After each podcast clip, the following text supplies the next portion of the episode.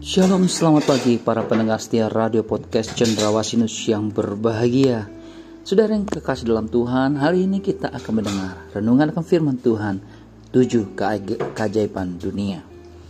Saudara yang kekasih dalam Tuhan, ada seorang guru, dia memberikan tugas kepada muridnya, dan saat itu murid-muridnya itu mengerjakan tugas yang diberikan gurunya yang diberikan tugas adalah bagaimana anak-anak bisa menceritakan tujuh keajaiban dunia yang mereka ketahui.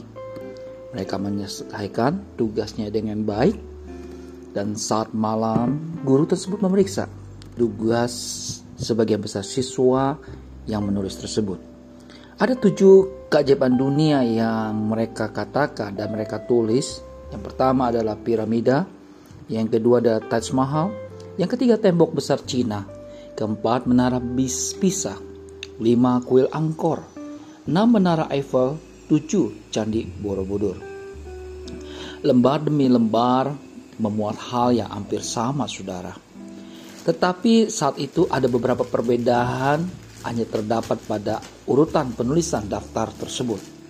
Tetapi guru itu terus memeriksa sampai lembar yang paling akhir. Tapi saat memeriksa lembar yang paling akhir, sang guru terdiam. Lembar terakhir itu milik si gadis kecil pendiam. Apa yang dia jawab, saudara? Dia melihat jawaban ini sangat berbeda dengan teman-temannya. Tujuh keajaiban dunia yang pertama adalah saya bisa melihat. Kedua, saya bisa mendengar. Ketiga, saya bisa menyentuh. Keempat, saya bisa disayangi. Lima, saya bisa merasakan. Enam, saya bisa tertawa. Tujuh, saya bisa mencintai. Setelah duduk diam beberapa saat, sang guru menutup lembaran surat tugas siswanya, kemudian menundukkan kepalanya. Dia berdoa. Dia saat itu mengucap syukur untuk gadis kecil pendiam di kelas yang telah mengajarkan sebuah pelajaran hebat, yaitu tidak perlu mencari sampai ke ujung bumi untuk menemukan keajaiban. Keajaiban itu ada di sekeliling kita, untuk kita miliki dan tak lupa untuk kita syukuri. Apa yang kita cari dalam hidup ini? Kita hidup di kebun, kita merindukan kota. Kita hidup di kota, merindukan kebun. Kalau kemarau, kita tanya kapan hujan. Di musim hujan, kita tanya kapan kemarau. Diam di rumah inginnya pergi. Setelah pergi inginnya pulang ke rumah. Waktu tenang cari keramaian. Waktu ramai cari ketenangan. Ketika masih hujan, masih bujangan, mengeluh ingin nikah. Sesudah berkeluarga, mengeluh belum punya anak. Setelah punya anak, mengeluh betapa beratnya biaya hidup dan pendidikan. Ternyata sesuatu itu tampak indah karena belum kita miliki.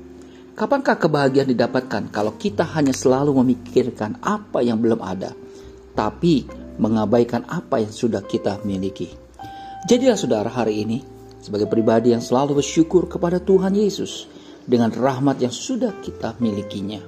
Mungkinkah selembar daun yang kecil dapat menutupi bumi yang luas? Mana mungkin bisa.